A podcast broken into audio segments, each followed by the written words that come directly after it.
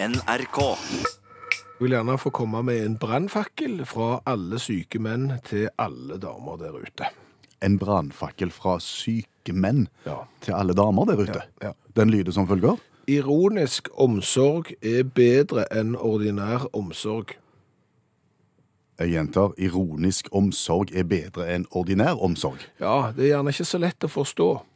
Nei, eh, det var mye her som var litt vrient. Ja, men det er jo sånn at når vi mannfolk er syke, Ja. eh, så er vi jo syke. Skikkelig syke. Nei, det er klart vi legger oss jo ikke ned for ingenting. Nei, nei, nei. Vi er skikkelig syke når vi er syke. Men damer, nesten på generell basis, mener at en syk mann ikke er skikkelig syk.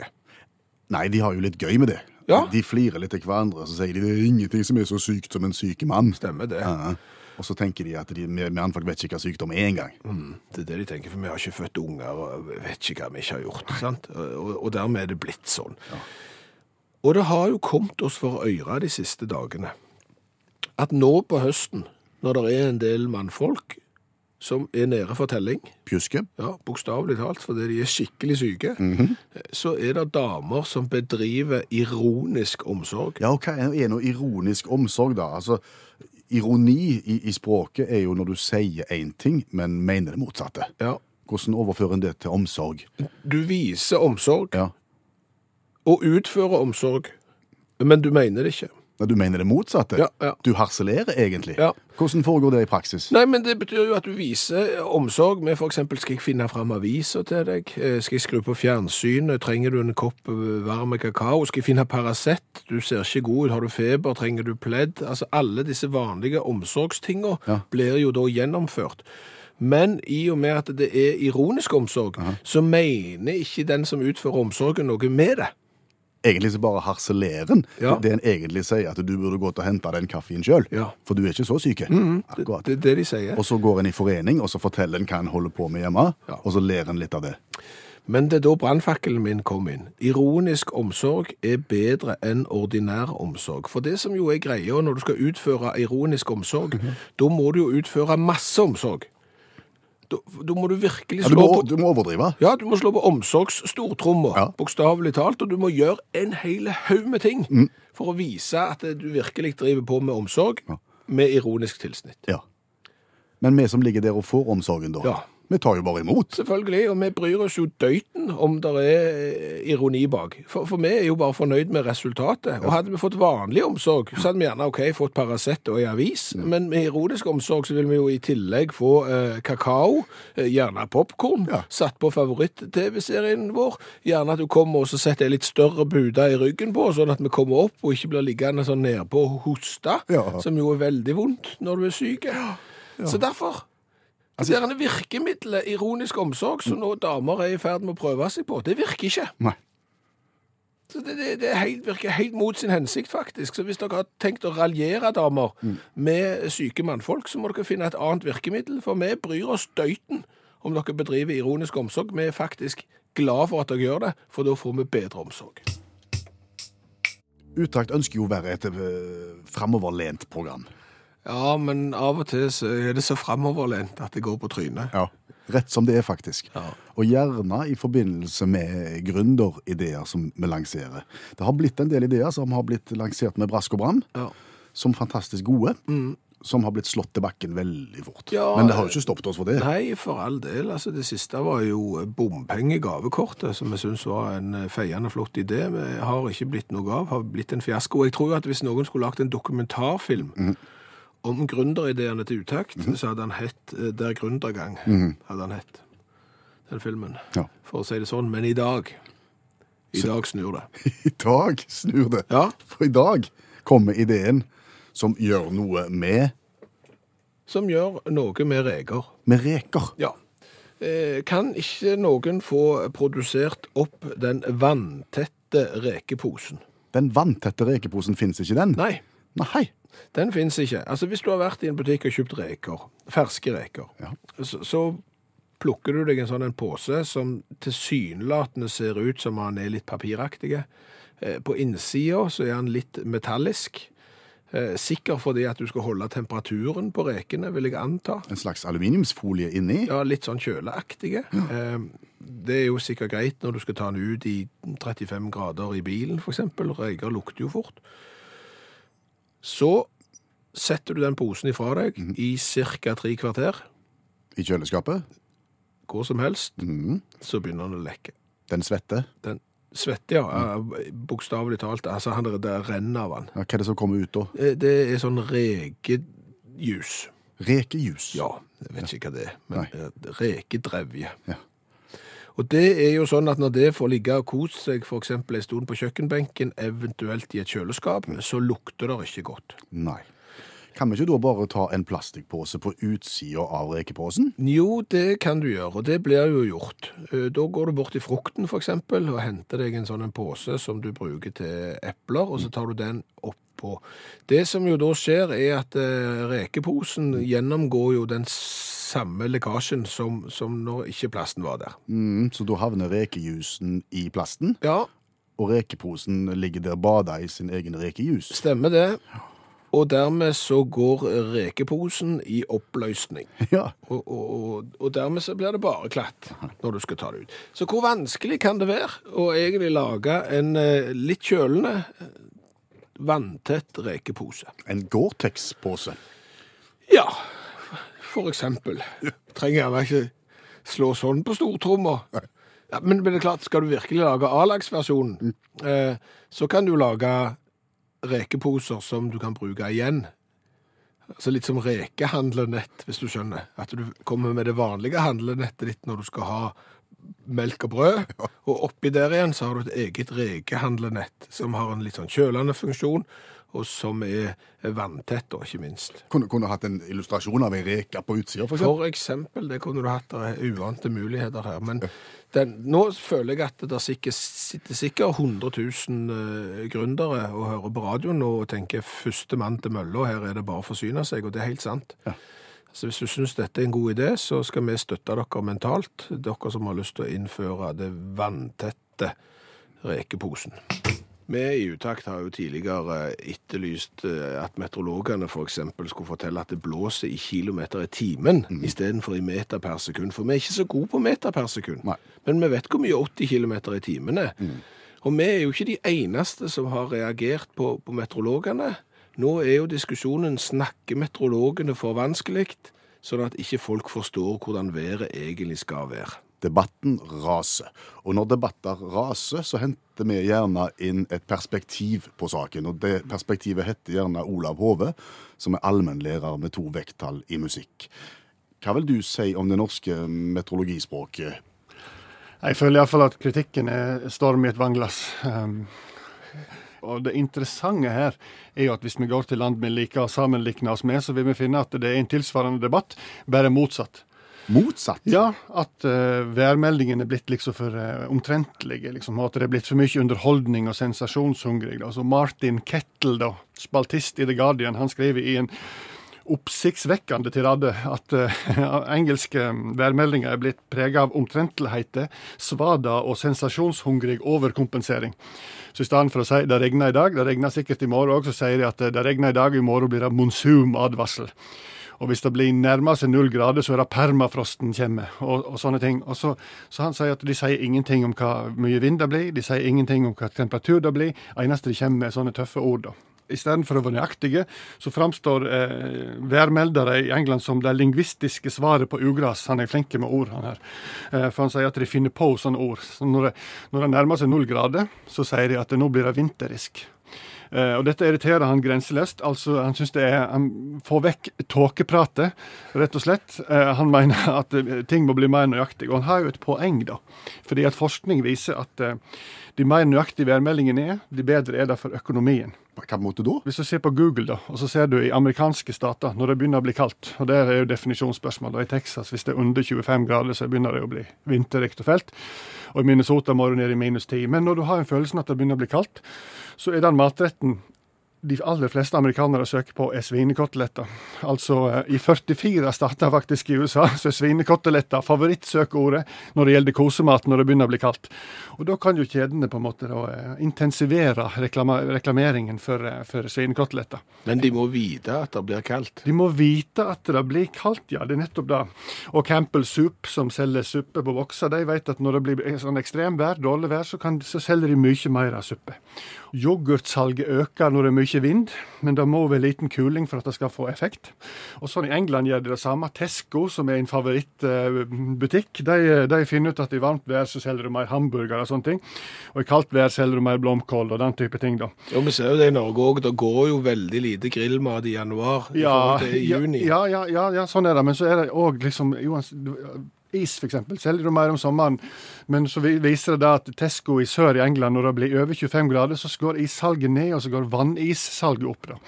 Og mm, er det kaldt ute, så øker salget av innboforsikring, viser forskning. Og da må du jo kunne si hvor kaldt det blir. Du må ikke si sånn som den amerikanske meteorologen Jeff Haby, som har samla inn ord meteorologer bruker. Du kan ikke si at i morgen blir det chili-willy, så er et av de ordene de bruker ofte. Chili Willy. Og Han har funnet at amerikanske oh, værmeldere de bruker 30 ord for kaldt vær uten å si noe om hva temperatur det er. Og de bruker 38 ord for varmt vær uten å si en døyt om hvor kaldt det er. Og, og, og, og da hjelper ikke det, vet du. Hvordan skal vi konkludere her nå, da, Hove? Nei, Det er kommer vel ikke som lyn fra klar himmel at jeg syns vi skal holde på den værmeldingen vi har. Du ber om godt vær nå. Ja. Takk skal du ha, Olav Hove, allmennlærer med to vekttall i musikk. Jeg vil ha Chili Willy, jeg.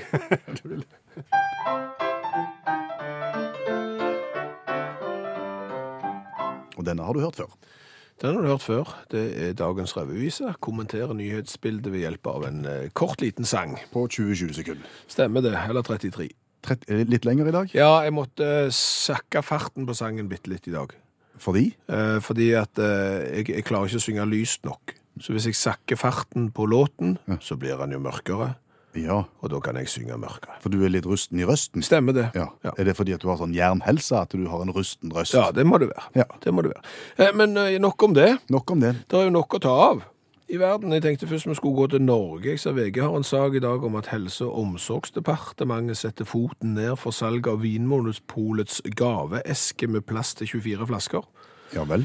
Restlageret vil bli destruert. Eh, Bakgrunnen for dette er jo at det er jo noen som eh, gir vekk julekalender, som eksempel 24 flasker med øl eller tilsvarende, og dermed var jo denne gavesken skreddersydd for det. Eh, Det sier nei, sånn skal vi ikke ha det. Vinmonopolet skal ikke drive på med det. De skal kun selge alkoholholdige varer og alkoholfrie festdrinker. De skal ikke drive på med, med, med kalender og sånn som oppfordrer til full og spetakkel. Akkurat. Eh, Så du kan gå og kjøpe 24 flasker med øl hvis du vil, men du får bare ikke en plass å ha de. Skjønner. Så, så det kunne det blitt en sang om, men det ble det ikke, for jeg ble så forelska i en sak fra Japan at jeg gikk for den. Går det an å eh, skape en overskrift over det du skal si nå? Synge om? Ja, eh, singelkaraoke brer om seg som aldri før. Singelkaraoke. Ja. Altså Karaoke det er jo at en, når mennesker møtes f.eks. på en, eh, et utested, og så synger de til et komp som blir fyrt opp av en maskin. Ja, så synger de gjerne surt, mm. og så sitter de andre som gjerne har fått seg et par julekalendere for mye eh, fra Vinmonopolet. Og syns det er fint. Ja, Ja. stemmer det. Det er omtrent sånn. Singelkaraoke, det er da at du går inn i et veldig, veldig lite rom. Ja, Singel, altså alene. Ja. Der, mm -hmm. og, og der er det bare plass til deg, ingen publikummere, og så sitter du og synger alene. Helt alene? Ja, kun Ok. for deg sjøl. Ja vel. Ene slageren etter den andre. Ingen som klager på låtvalget ditt, og ingen som kan fortelle deg at du synger surt, eller eh, hva som helst. Og Er, dette, er du en såkalt CD-singel, da? det kan, kan du være. Der du sitter. Men hvorfor så- gjør du det? Hvorfor gjør du det? Fordi at det viser seg at en av disse mest største aktørene innenfor karaokemarkedet i Japan så for en del år siden at stadig flere kunder kom til karaokeplassen alene. Og det er klart at det, da måtte de gjerne bli en, et eller annet sånn femte hjul på vogna hos noen andre Ja. for å få være med på karaoke, og så viser det seg at stadig større del av den japanske befolkningen òg er single. Men samtidig så har de karaokebehovet iboende. Stemmer det. Og dermed så utvikla jo de da den lille karaokeboksen sin, Ja. eh, der det bokstavelig talt bare er plass til en mann og en mikrofon. Og, og, og det har blitt kjempepopulært og har nå spredd seg over hele Japan. Så nå er det en singel-karaoke-boom, bokstavelig talt. Som bare, det har bare vokst og vokst de siste årene. Men altså, Du får ingen tilbakemelding, du får ingen applaus, du får ingenting. Du bare går inn, og så synger du sangen din Ja. til et komp, og så går du igjen. Ja. Som om du har gått på en treningstime eller på en yogatime. Stemmer det, men eh, i den artikkelen så står jo en av disse som bruker singelkaraoke fram, og han heter Kitakoga. Ja. Han eh, sier det at dette her er kjekt, fordi at det er stressnivået i kroppen. Det går ned. Oh, ja. Det er en måte å slappe av på. Og samtidig så føler du heller ikke presset fra de andre på om du er god å synge, eller om de liker det, eller om de vil være med på allsang og, og hele det presset der. Så, så stresslindring er rett og slett eh, et stikkord her. Og så er det ingen som henger seg opp i hva du synger. Du kan synge hva som helst. Ja, ja. Det er jo fint. Ja, ja, midt i blinken. Så dette har du lagd en sang om? Ja, eh, men har lagt den veldig langt ned da i toneregister, så det er mer på en måte sånn Leonard Cohen synger dagens revyvise om singelkaraoke i Japan. Det er interessant, Skjæveland. Ja. Vær deg selv for deg selv, syng alene nå i kveld. Solo karaoke tar bort i Japan. For når dagen blir lang, syng din egen solosang i en bitte liten bås med egen inngang. You're my best friend, den synges først mutters alene. Ingen jubelrop og klapp foran din scene. At du synger flott, det vet du selv, det tror jeg folk forstår. Siste singelsang blir That What Friends Are For. Husker du vi snakket litt om køkultur i går? Ja, er det lov å holde av en plass i køen til noen andre, sånn at de slipper å stå i kø? Og svaret på det var vel et rungende nei. Mm, vi fikk mye tilbakemelding på det, og de fleste var, var enige med oss. Og i bakkant av det vi snakket om, så ble jeg sittende og, og lese litt køforskning som har kommet ut. Om, om oppførsel i kø og den slags. Og der har jeg funnet noen oppsiktsvekkende funn. Oh, ja, Vi snakker ikke bilkø, da, liksom. vi Nei. snakker om personkø. Ja, ja. Ja. Vi snakker om kø i f.eks. i butikken for å betale i kassen. Ok. Fordi at det er et universitet som har forska litt på, på muligheten til å komme seg lenger fram i køen, hvis du ønsker det. Hvordan skal du gjøre det mest effektivt? Uten at det blir krangel, håndgemeng og dårlig stemning. Stemmer. Oh, ja. Det er måter å gjøre det på. Så de, de, de, ut, si, de delte opp forskerne i tre grupper som skulle forsøke hver sine metoder. Den ene gruppa skulle bare si rett og slett De sto bakerst i køen, og så skulle de si 'Unnskyld, kan jeg gå foran deg?' Rett og Rett og slett. slett rett på. Klart og tydelig. Kan jeg gå foran deg? Okay. Gruppe to skulle spørre unnskyld, kan jeg gå foran deg fordi at jeg har en nødsituasjon i familien. Det haster litt, dette her. Å ja. Så jeg må få kjøpt brokkoli hvis ikke sånn, Ja. Gruppe tre eh, kan jeg gå foran deg fordi at jeg må bare få kjøpt litt mat. Jeg må ha mat. Tre forsøksgrupper. Ja, så Den første er ærlig, og den siste er ærlig òg, men den bare virker fremstår litt eh, tåpelig, og den i midten er litt løgn. På en måte. Ja. Kan du gjette resultatet? Hvordan det gikk med de forskjellige? Første gruppe som sier kan jeg, bare få, gå- kan jeg gå foran deg? Gikk det bra? Fikk de lov? Noen, men, men, men, men skal du i prosent? Ja. Eh, 20% fikk lov å gå foran. 40% 40% 40% av de som prøvde seg på den, fikk lov å gå foran. Det er notert. Og så kom de med 'Unnskyld, kan jeg gå foran deg, for jeg har en nødsituasjon i familien. Vær så snill, kan jeg gjøre det?'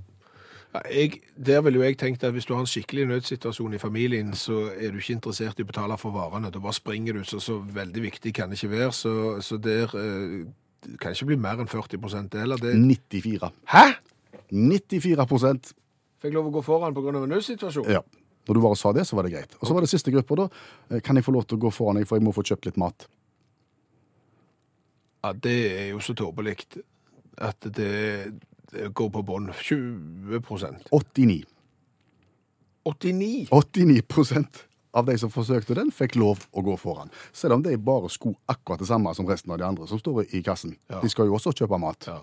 Så det er egentlig bare du, bare du sier en eller annen plausibel årsak, uansett hvor dum han er, så viser forskningen her at da slipper du fortere fram i køen. Det er jo da konklusjonen til forskerne, ja. Altså okay. Bare du har en grunn, Ja, så slipper du, så slipper du lettere igjennom. Så han trenger ikke være god engang. Nei. Nei.